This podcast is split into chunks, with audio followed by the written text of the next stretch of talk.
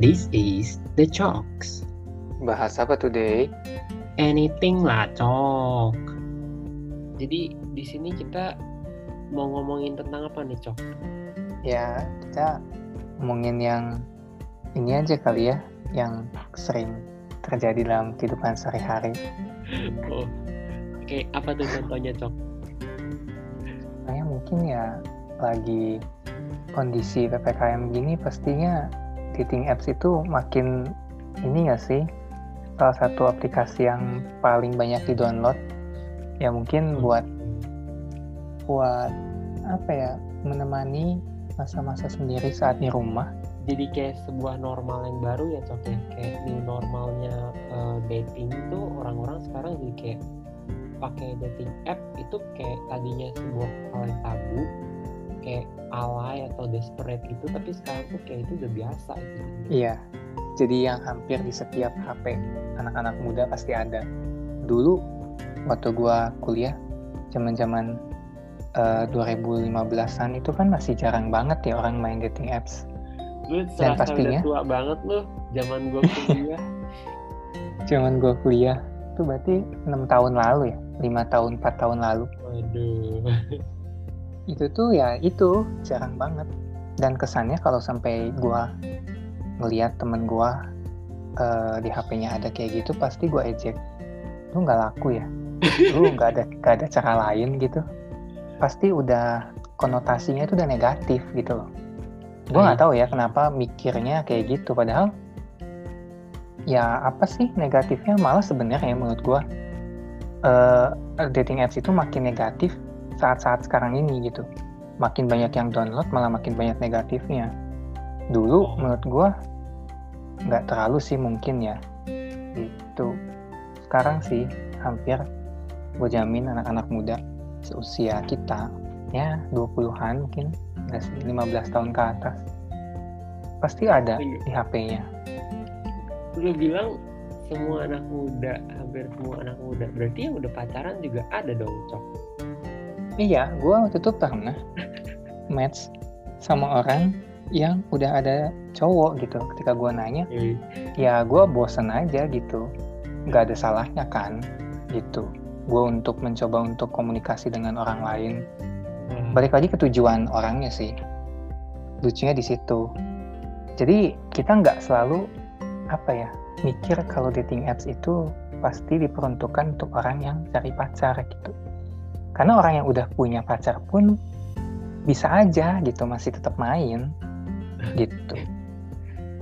Contohnya nyari apa tuh, Cok? Kalau misalnya orang yang udah pacaran gitu terus main dating apps tuh nyari apa sih di situ biasanya? Biasa biasanya sih Mhm. kalau yang orang udah pacaran terus eh, cewek atau cowok yang main dating apps kebanyakan itu yang udah pacarannya biasa udah lama cok Hmm, udah dua tiga tahun udah masuk masuk masa jenuh gitu ya. Oh, iya. gitu kan? Ya gue yakin lah semua orang pacaran tuh ada fase-fasenya Oke.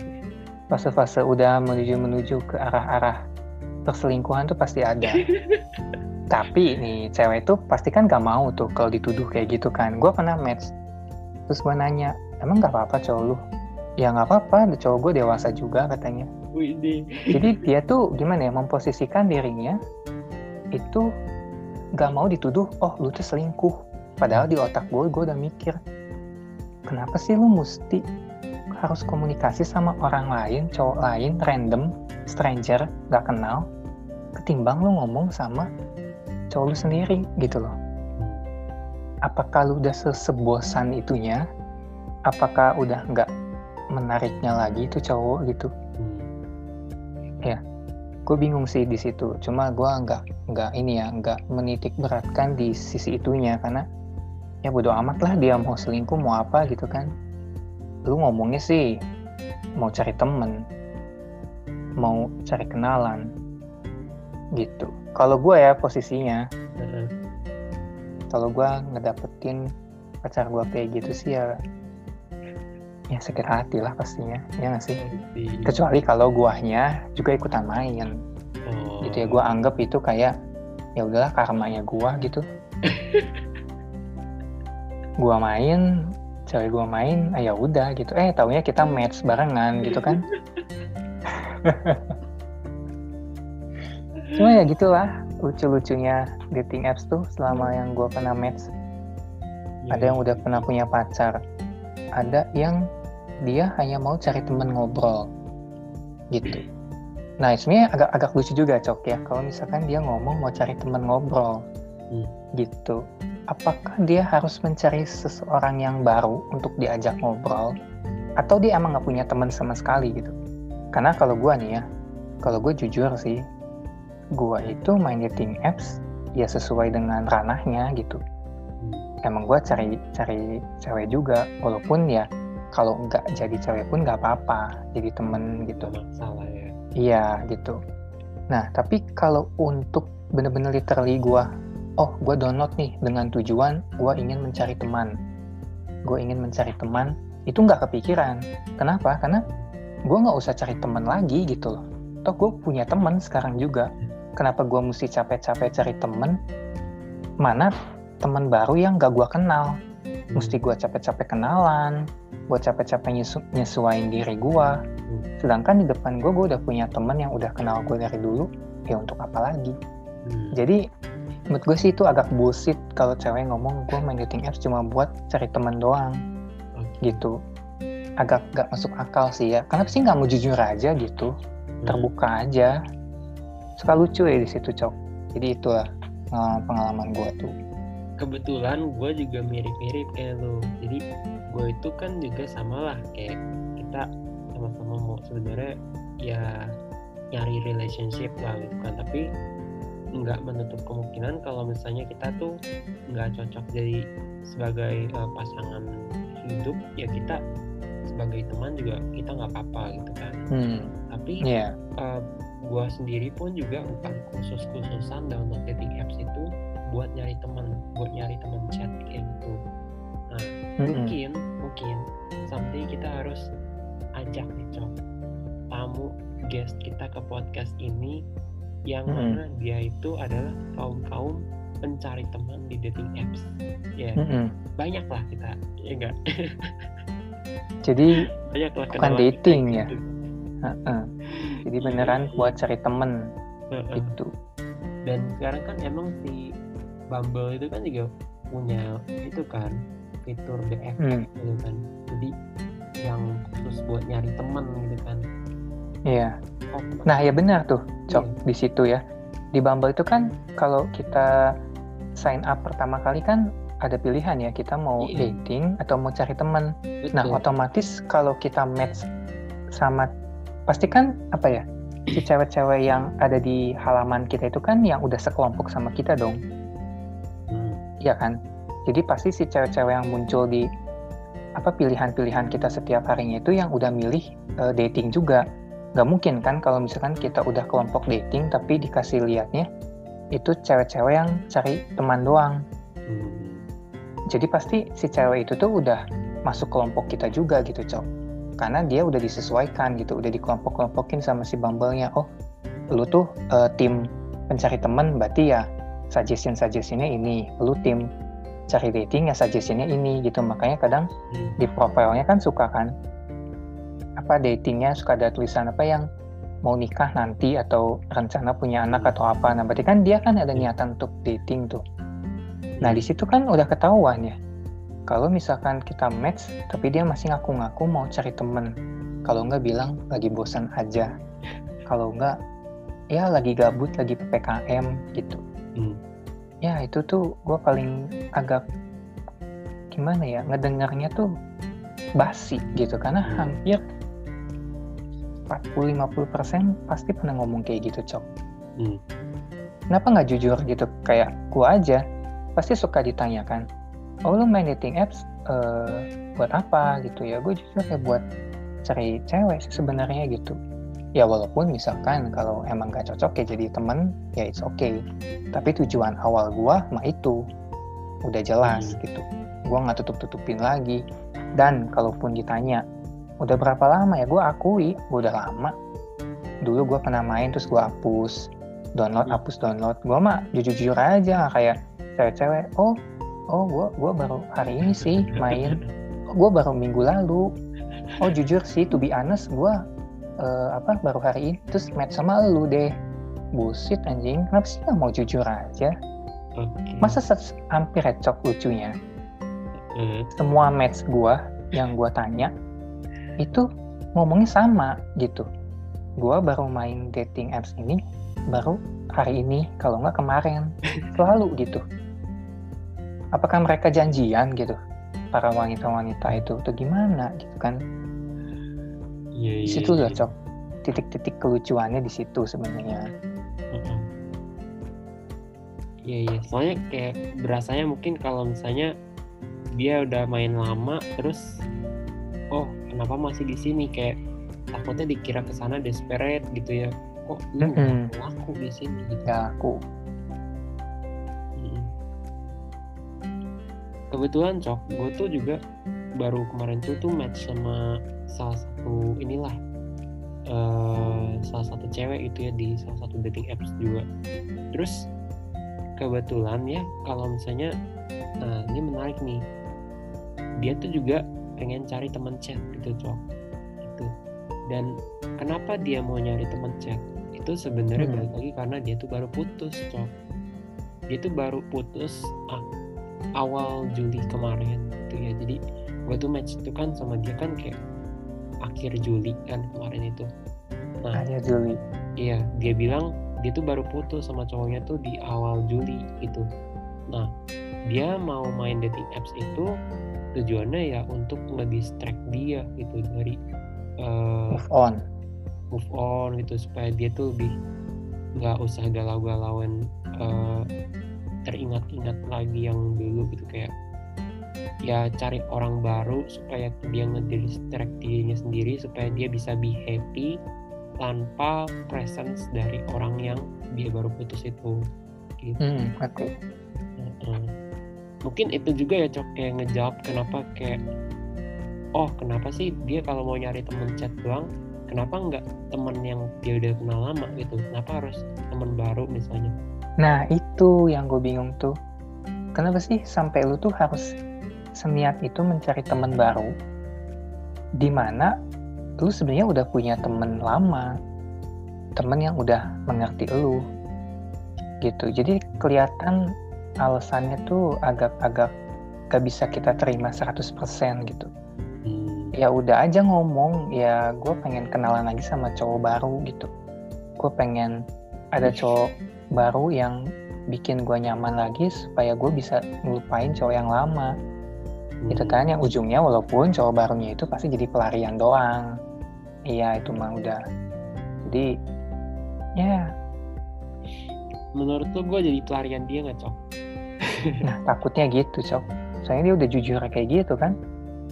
Gue pengen cepet ya apa melupakan lah masa lalu dan semacamnya itu. Oke. Okay. takutnya sih cok biasa cewek-cewek kayak gitu. Tapi kan gua nggak menjat semua ya. Iya, cuma iya, iya, iya. takutnya aja gitu. Jadi kita juga dari awal udah harus aware sama resikonya lah ya cok ya. Kayak iya. kita kenal nih sama dia. Kita udah tahu oh dia dari awal tuh tujuannya ini. Jadi kita nggak harus putting our uh, heart all in gitu ya kepada dia. Takutnya nanti kecewa gitu. Jadi hmm. kita uh, udah siap sama resikonya ya udah kita nggak usah terlalu ini kita mendiversifikasi lah gitu ya perasaan kita iya. orang lain. Jangan ngandim dia doang gitu. Gitu. Karena karena beda-beda ya cok. Uh, orang itu kan ada yang bisa uh, deketin banyak cewek sekaligus gitu kan. Hmm, sekaligus kan orang banyak. ada orang yang cuman bisa fokus satu gitu. Cuman kayak oh kalau misalnya udah udah ngeklik sama dia mah kalau ngechat sama orang lain kayak udah nggak ada feelnya lagi gitu bahkan udah males bahkan buat nge-swipe swipe orang baru gitu nah tuh lu kalau lu masuk kategori mana sih cok? Ya kalau gue gue kebetulan nah biasa kan gue itu kan uh, namanya match itu kan dalam sehari paling satu ya gue mungkin yeah. dalam satu minggu paling satu atau dua gitu jarang lah yeah. dalam satu minggu itu bisa lebih dari dua karena kan gue uh, nge-swipe-swipe-nya juga kan nggak rajin-rajin amat lah gitu. Hmm. Jadinya kalau lagi waktu kosong doang. Boleh ya. juga pembelaan lu cok. Jadi gue emang gimana ya dating apps ini gue nggak terlalu banyak berharap juga sih sebenarnya gitu ya karena okay. ya based on my experience itu gue nggak pernah dapet sih nggak pernah ada yang bener-bener sampai jadi pacar gitu paling hanya temen gitu nambah-nambahin apa relasi-relasi aja. Bahkan mungkin ada yang udah hilang gitu nggak tahu ke mana. Mati, tapi yang yang udah ke mana, yang gitu. udah ngedate sampai 10 kali ada dong. Iya itu juga pernah tuh. Bingungnya itu aneh itu. Nah itu dulu sih cok itu dulu. Ya, terakhir 2018 ke sini nggak tahu udah. Ya intinya gue ngedate berkali-kali match berkali-kali itu uh, gak ada yang long lasting lah gitu cok intinya mah hmm. semuanya hanya sementara doang gitu paling bertahan 3-4 bulan gitu hmm. nah gue kebetulan tipe orang yang karena berhubung dalam satu minggu cuma satu match dan itu pun ya kalau matchnya responsif gue mungkin bisa fokus ke dia doang hmm. nah masanya kan kita nggak tahu ya lawan bicara kita tuh responsif tertarik sama kita agresif atau pasif kita nggak tahu. Nah kayak di situ kadang gue nggak nentu. Kalau misalkan gue dapat dua match atau tiga match lah hmm. ternyata satu matchnya itu dia pasif ya otomatis gue mesti bercabang ke yang lainnya lagi. Gue nggak bisa fokus ke dia terus. Udah mah misalkan balesnya lama gitu. Jawabnya pendek-pendek mau mau enggak. Kalau misalkan nyatanya gitu ya lebih baik lu nge-unmatch gue aja gitu ya kan? Biar gue nggak nggak gue yang terus berusaha. Gitu emang lu siapa? Gitu kan. Nah hmm. makanya gue nggak gua nggak nentu. Gue itu tipe orang yang fokus ke satu orang atau yang gue bisa bercabang. Balik lagi tergantung si matchnya gue itu. Ada satu ketika misalkan gue match ternyata asik gitu ya. Hmm. orangnya balasnya cepet. Yang gue cepet itu nggak mengharapkan cepet ya. Hmm. tapi maksudnya yang nggak lebih dari satu hari lah gitu. Okay. ya seenggaknya hanya 2-3 jam it's okay. Dan ada open question gitu cowok jadi seenggaknya biar tetap ngalir gitu percakapannya. Nah itu baru gue bisa fokus ke satu. Kalau misalkan ngedapetin yang kayak gitu ya. Tapi kalau gak dapet ya gue mau nggak mau ya gue harus ngechat ke orang lain juga gitu. Hmm. ya kan? Supaya ya peluang chance gue makin naik gitu loh. Kalau gue hanya mengharapkan satu orang itu mulu gitu kan yang lain gue antepin gitu. Keburu expire chatnya nanti. Ya kan? Jadi ya gitulah gue tipe orang sebenarnya ngikutin alurnya si lawan gue itu gimana gitu. Nah ini menarik banget nih. Lu ngomongin ada cewek yang balasnya cepet ada cewek yang balasnya niat ada yang balasnya niat apa mau mau enggak enggak gitu. Menurut lu nih cok ya kenapa ada cewek yang bisa beda-beda kayak gitu cok behaviornya? Sebenarnya tuh apakah berarti kalau misalnya yang yang jawabnya singkat-singkat pasif itu berarti dia nggak tertarik kah sama lu sebenarnya? Atau uh, gimana cok? Tapi kalau misalnya dibilang nggak tertarik ya kenapa di awal dia swipe lu gitu. Nah iya. faktor penentunya apa sih? Kenapa bisa ada cewek kayak gitu? Ada cewek yang supel banget sama lu gitu. Nah itu tuh. Itu tuh sebenarnya gimana ya? Cewek itu kan makhluk yang misterius cok sebenarnya ya. Hmm. jadi kita tuh walaupun gue udah cukup lama main dating apps, gue masih belum punya satu apa ya satu ketetapan gitu yang ngejudge bahwa ada satu hal gitu yang bisa mendasari itu semua gitu cok. Kayak gue nggak bisa ngomong oh cewek yang friendly itu biasanya dia emang udah sifat alami dia gitu. Hmm. jadi jadi gue nggak bisa ngomong kalau oh cewek ini mah uh, jutek ya. Oh cewek ini mah friendly ya. Jadi gue nggak bisa bedain. Jadi gimana ya cok ya? Uh,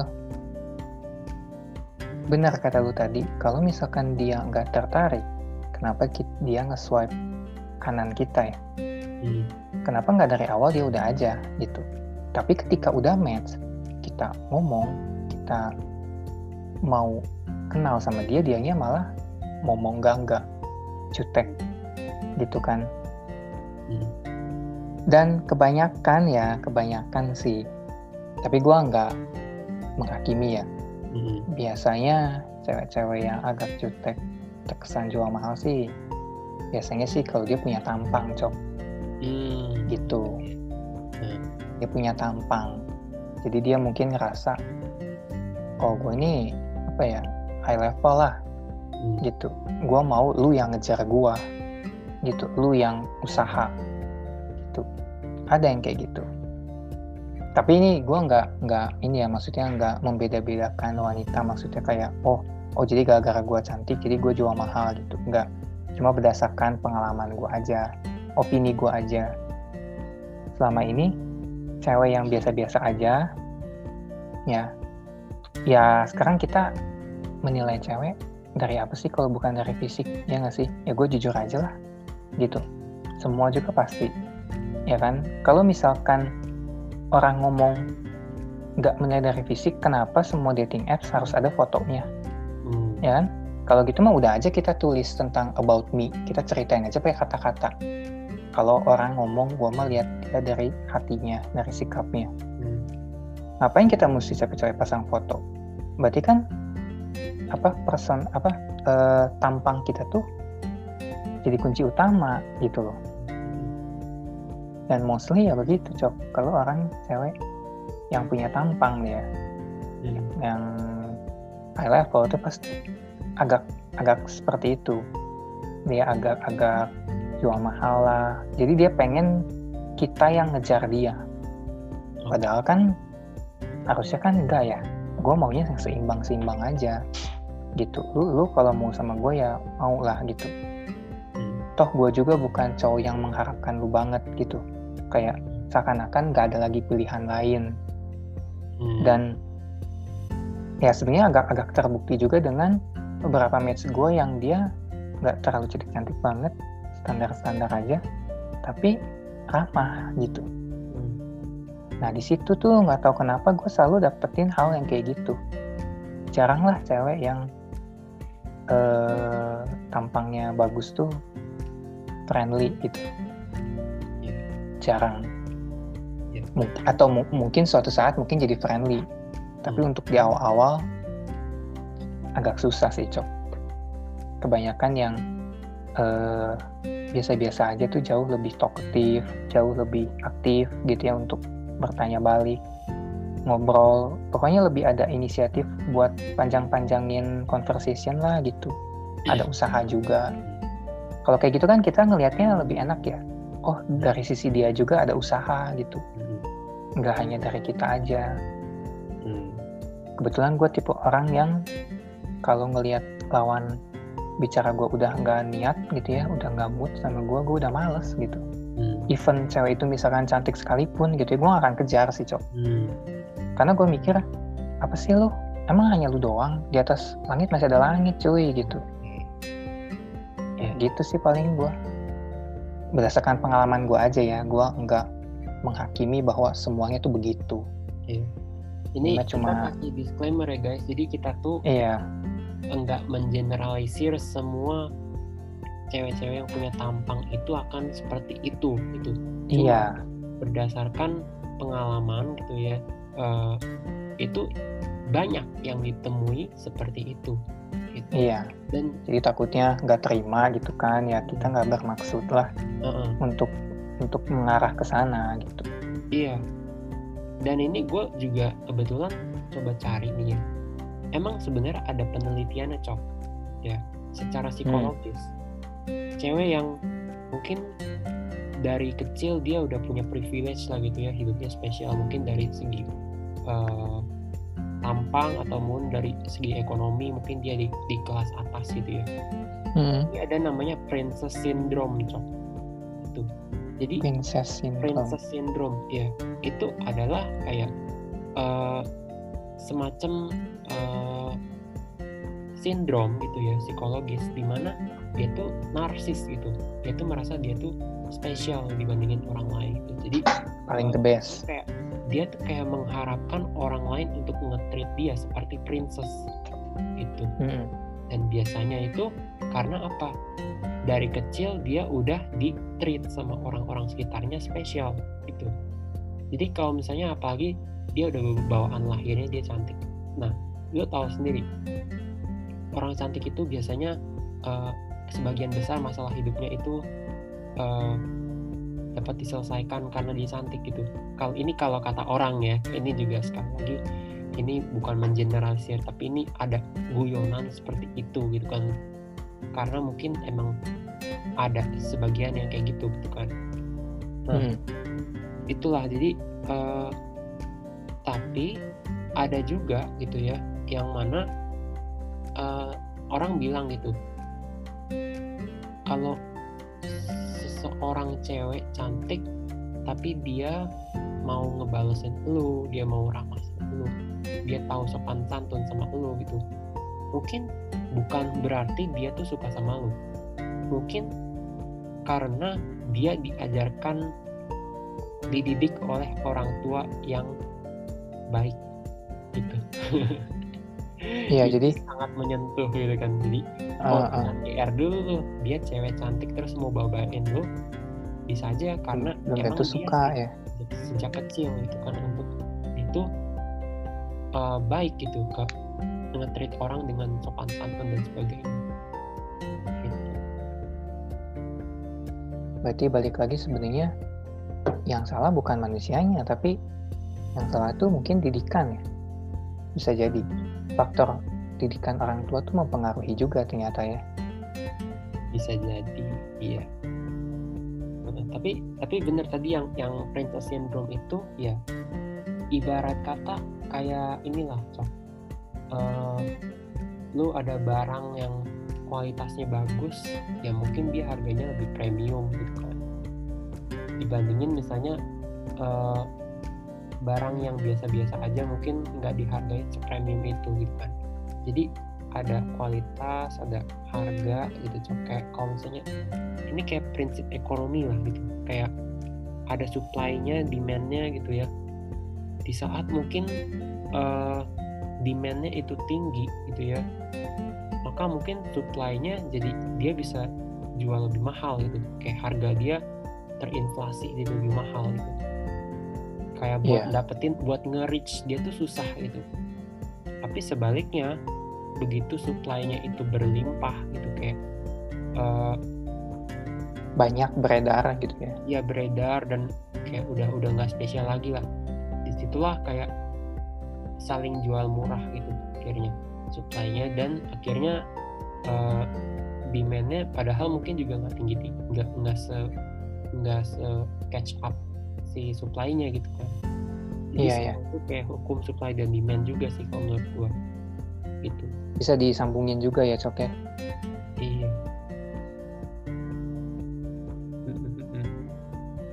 Bener-bener kayak gitu kita lihat lah uh, iPhone gitu ya. iPhone Apple tuh barang mahal gitu kan. Ya dia berani dia berani uh, jual mahal ya karena orang tetap mau beli meskipun dia, dia mahal. Malahan tuh kadang-kadang jadi prestis gitu kan. Jadi hmm, prestis sendiri. Kebanggaan. Kebanggaan. Kalau misalnya lu tuh bisa beli iPhone ya berarti lu tuh jadi kelas atas gitu kan. Ya lu sama juga kayak misalnya lu tuh punya cewek cantik gitu kan. Lu buat lu pacaran sama cewek cantik lu bawa uh, lu ajak dia ke uh, kondangan dan sebagainya gitu. Lu pamerin ke teman-teman lu gitu kan. Nah itu kayak lu prestis juga ya. secara tidak langsung iya. Itu tuh kayak lu bangga kenapa lu bangga? Karena lu tuh kayak menampakkan diri. Kalau misalnya lu tuh kelas atas lu tuh mampu uh, itu mampu bisa disukai oleh cewek yang secantik itu gitu. Hmm. kayak iPhone. Gitu sih kalau menurut gue ya itu tuh jadi keunikan-keunikan yang kita temui ya cok ya selama main dating apps. Iya betul. Dengan segala keunikan-keunikan itu tapi tetap aja kita masih mau coba gitu ya. Karena ya itulah cewek bikin kita tuh misterius bikin kita tuh makin pengen coba lagi coba lagi coba lagi gitu. Penasaran bikin penasaran sih sebenarnya. Walaupun misalkan kita udah berkali-kali kayak ah ini mah bakalan di ghosting ah ini mah bakalan pasif gak asik dan semacamnya tapi nggak bikin kita putus asa gitu ya. Malah kayak gue penasaran nih gue pengen lagi coba lagi coba lagi gitu. Makanya itu gue uh, apa ya personally sih gue tetap nggak terlalu berharap banyak sama dating apps ini gitu. Ya mungkin sisi positifnya adalah gue belajar juga gimana un, uh, apa untuk berinteraksi dengan orang asing dengan stranger yang nggak kita kenal itu kan gue hmm. belajar juga gimana cara menyesuaikan diri kita yang baru supaya diterima oleh orang yang gak kenal sama kita itu gimana cara kita nyesuaiin diri kita. Dan biasa gue suka nanya feedback kan. Kayak kalau udah chattingan tiga atau sebulan lah gue suka nanya gimana sih gue nih? Tipe orangnya gimana? Menurut lu gue ini baik nggak? Atau mungkin lo ada feedback lain yang bisa gue perbaiki gitu kan. Ya di situ gue lumayan sih gue dapet apa sesuatu yang bisa memperbaiki diri gue lagi. Jadi sebenarnya dating apps itu sisi positifnya bisa kita dapetin juga gitu ya. Balik lagi tergantung si orang itu mau menggunakan dating apps itu sepositif apa gitu. Jadi jangan mikir lu main dating apps pertama ke laku. Lu gak jelas hidup lu lu yeah. pikirannya dating apps itu adalah sesuatu yang negatif gitu. Enggak sih. Yeah. makanya kan kita filter lagi. Makanya jangan setiap match lu iniin apa lu uh, ajak ngomong ya lu lihat lagi tuh orang. Tuh orang baik-baik nggak? Itu orang berpendidikan nggak? Itu orang dari keluarga yang baik-baik nggak? Gitu kan. Nah, di situlah sisi-sisi positif yang bisa gue dapatkan sebenarnya. Nggak selalu melulu tentang negatif lah, gitu. Jadi tetap ada yang bisa gue ambil. Salah satunya gimana cara gue bisa memperbaiki dari gue lagi, gitu. Itu cok.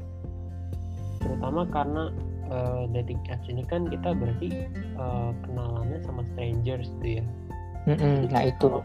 kalaupun kita macam-macam nih bukan maksudnya bukan kita mau emang macam-macam ya tapi karena mungkin kalau misalnya kita salah berkata-kata atau uh, tidak berkenan gitu misalnya itu ya kemungkinan terburuknya apa sih ya paling kita udah aja kita balik ke kehidupan kita ke kehidupan kita kayak sebelum kita kenal satu sama lain bukan mm -hmm. kita nggak ada bersinggungan lagi kalau misalnya kita emang nggak secara intentionally kita mau ngechat sama dia atau telepon sama dia misalnya atau iya. ketemu sama dia kalau misalnya kita ketemu sama cewek yang kita udah kenal misalnya dari sekolah dari kampus gitu. Itu mungkin kita ada bersinggungan hidup kita gitu kan. Jadi kalau misalnya nanti kita ada uh, someday misalnya kita reuni kita misalnya ya as simple as misalnya kitanya masih sekolah lah kita masih kuliah ketemu papasan sama dia ya itu kan awkward nih konsep kita totally ghosting. Mm -hmm. setuju kacau nah. Jadi masih layak kan sok sebenarnya dating apps itu? Masih, Nah, mm -hmm. nah uh, tapi kan tadi pertama lu bilang kalau misalnya lu tuh sebenarnya nggak terlalu mengharapkan banyak gitu ya dari dating apps ini. Iya. Yeah. karena mungkin lu lihat juga prosesnya ya tipe-tipe lu selama ini ketemunya sama orang itu gimana terus ujung-ujungnya gimana gitu kan. Nah lu misalnya nih sekarang dengan era pandemi kayak gini nih cok. Ya, hmm. lu nggak ada dating apps nih. Terus lu nggak tahu pandemi ini sampai kapan ya kan? Kita udah satu setengah hmm. tahun kayak gini terus. Terus kayak gitu sementara umur juga jalan terus cok. Ya kita kan sekarang udah umur 24 ya cok. Iya. Apa sih rencana lu ke depan cok supaya kalau misalnya nih lu beneran pengen cari yang serius nih cok. Atau gue nggak tahu kapan lu pengen cari yang serius gitu. Kalau misalnya seandainya nggak melalui dating apps kalau misalnya lu rasa oh dating apps ini kayaknya nggak bisa gue terlalu seriusin. Nah paling kalau sampai dating apps itu sampai nggak ada gitu ya misalkan nggak terbentuk yang namanya aplikasi dating apps itu dan misalkan di saat tadi pandemi ini mungkin yang gue lakukan satu-satunya adalah gue paling ngechat teman lama gue kali teman-teman SD gue gitu kan karena kan gue kebetulan uh, gue jarang ketemu lagi ya sama teman SD karena gue malah lebih banyak sama teman SMP SMA teman SD gue tuh gue udah miss kom eh udah apa nggak komunikasi lagi semenjak lulus SD gitu.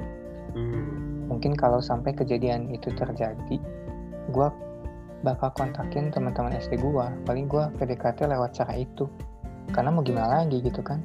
Kalau misalkan lewat teman kerja, kita kebanyakan WFH, ya. Hmm. Terus misalkan teman kuliah, ya sebenarnya bisa sih kalau mau gue coba cari-cari uh, teman-teman kuliah teman SMA SMP tapi gue untuk gue personally kayaknya gue lebih interest ke teman SD sih.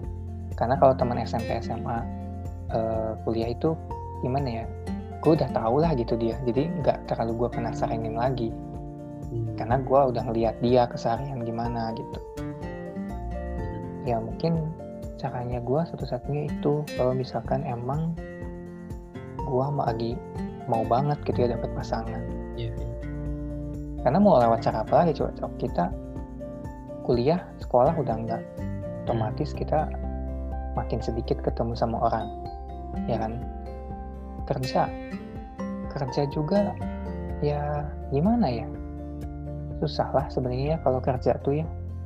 Hmm. mana sekarang kerja di rumah kita nggak bisa lihat orangnya gitu. Paling gitu cok paling kalau gue tapi lu sama teman-teman SD lu lu masih follow IG-nya kan mereka kan? Nah iya. Cuma itu gue nggak pernah komunikasi sama dia. Tapi gue kan bisa lihat oh ini ya teman gue uh, gue lulus SD itu umur berapa sih? Kita 12 ya 12 tahun. Udah 10 tahun yang lalu tuh oh ternyata gini dia.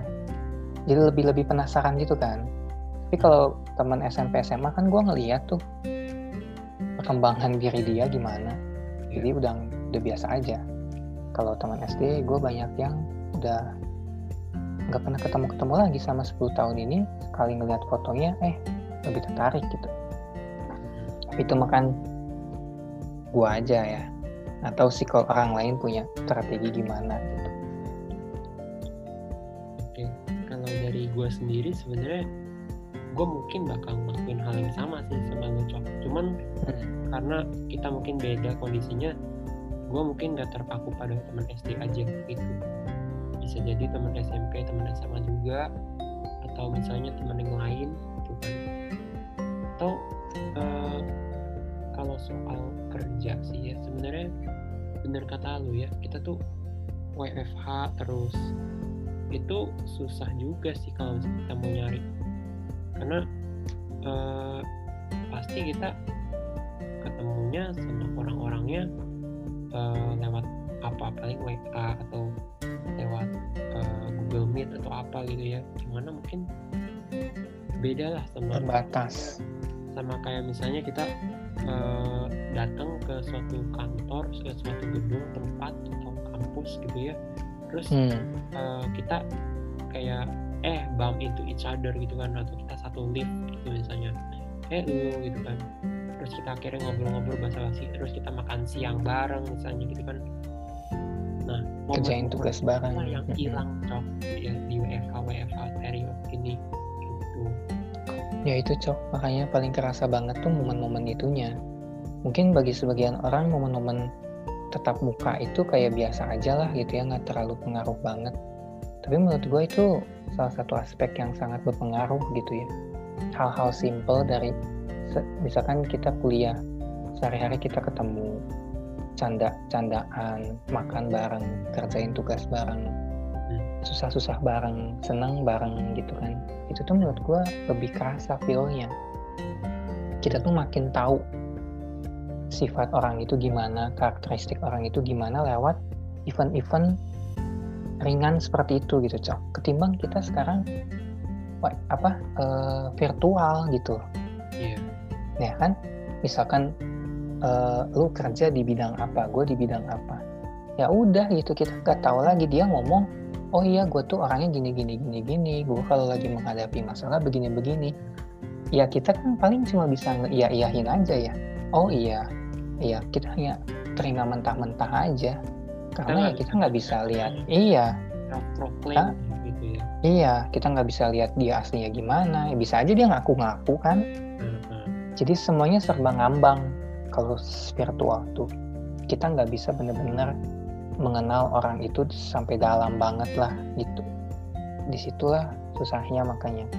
Termasuk makanya itu sebenarnya dating gimana? itu juga gitu cok. Ya. Iya.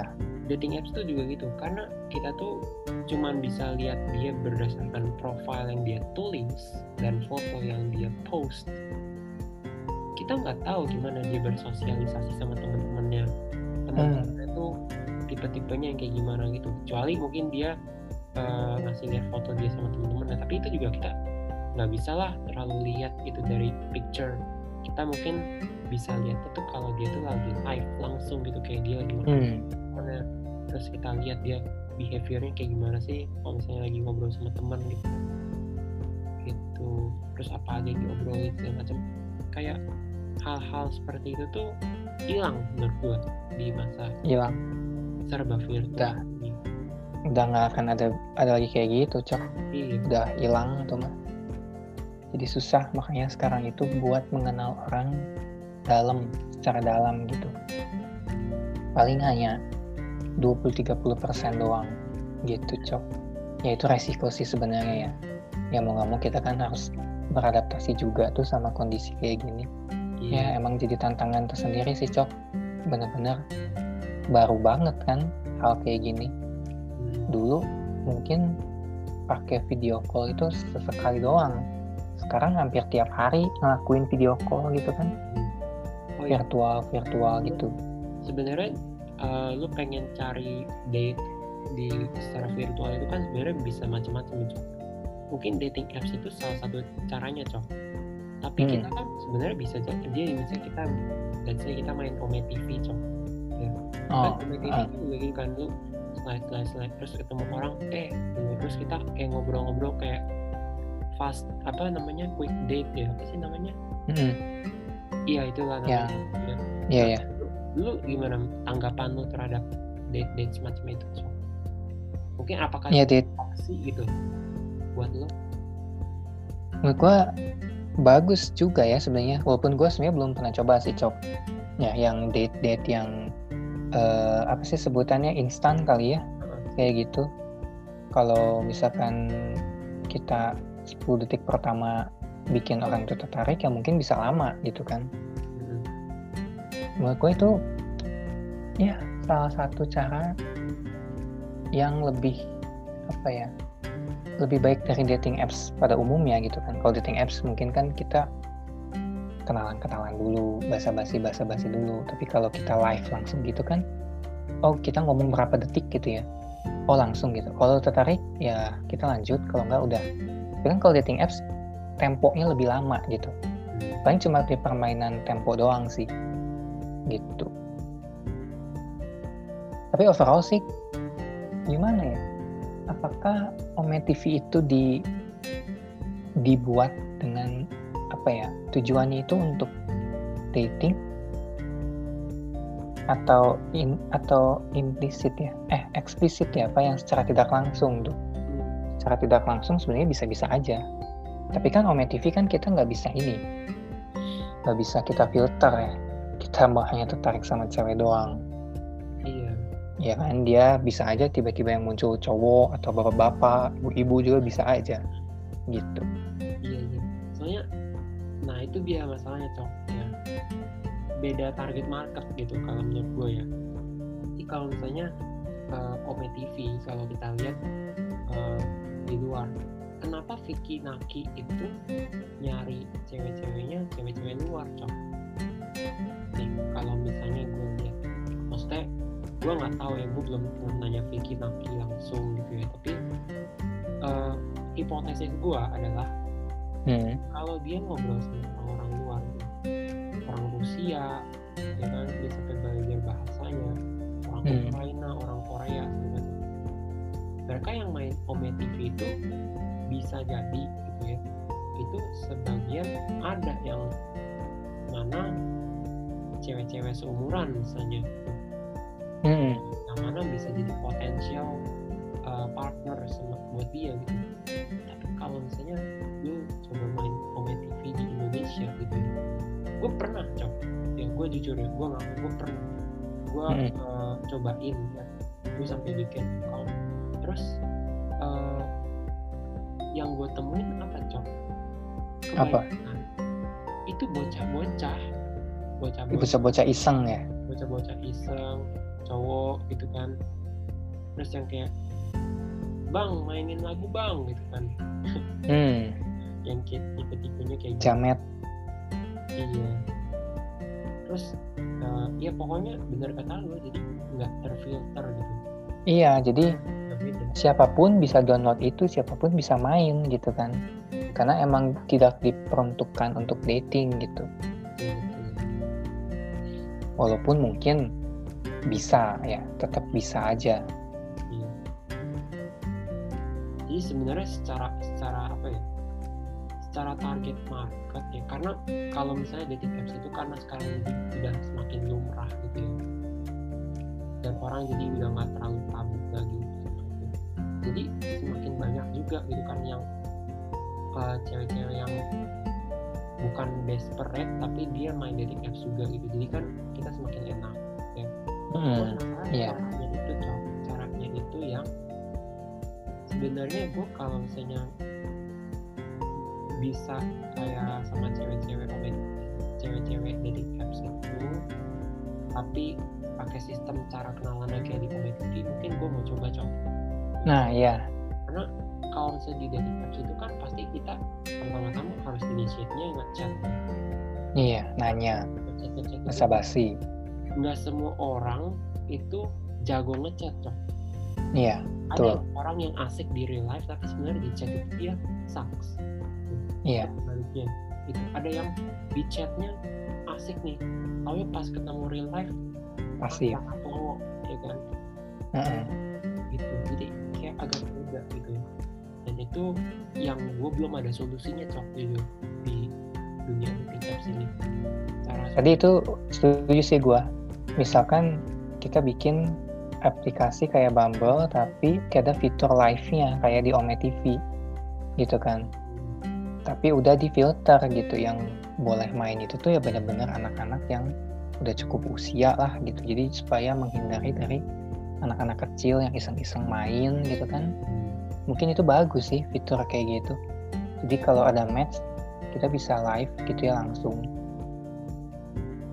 Jadi mungkin bisa lebih enak gitu. Memberikan kesempatan bagi para orang-orang yang gak bisa memulai percakapan lewat chat gitu ya. kalau sekarang kan kita mau nggak mau harus ini chat ya kan? Iya. itu sih bang cok. Ini senin kita mau langsung cok. Kita uh, lu jadi lu jadi CTO gue jadi CPO hmm. kita bikin dating apps.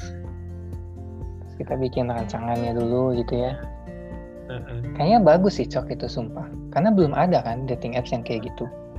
Uh, ada. luar negeri ada cuman di Indonesia belum populer. Mm -hmm. kayak misalkan di Bumble dia nyediain fitur ini kan video call kan ada kan. Tapi kan itu misalkan gue mau video call tapi kalau cewek yang nggak mau susah kan? Tapi kalau kayak Ome TV kan mau nggak mau sih aplikasinya udah mewajibkan kita untuk open cam gitu kan. Mm-hmm. ya mau nggak mau ya harus video call gitu. Nah itu. Jadi kalau bisa sih ada fitur gitunya ya. Jadi langsung kita lihat dia ini fake account nggak? nge-swipe swipe-nya itu langsung uh, live gitu kan. Hmm. Nah itu lebih bagus lagi jadi langsung ngeliat. Iya maksudnya kan Omi TV kan kayak gitu kan lu kayak basically itu kayak nge-swiping swiping kan lu kalau misalnya nggak serap sama orangnya lu skip. Iya.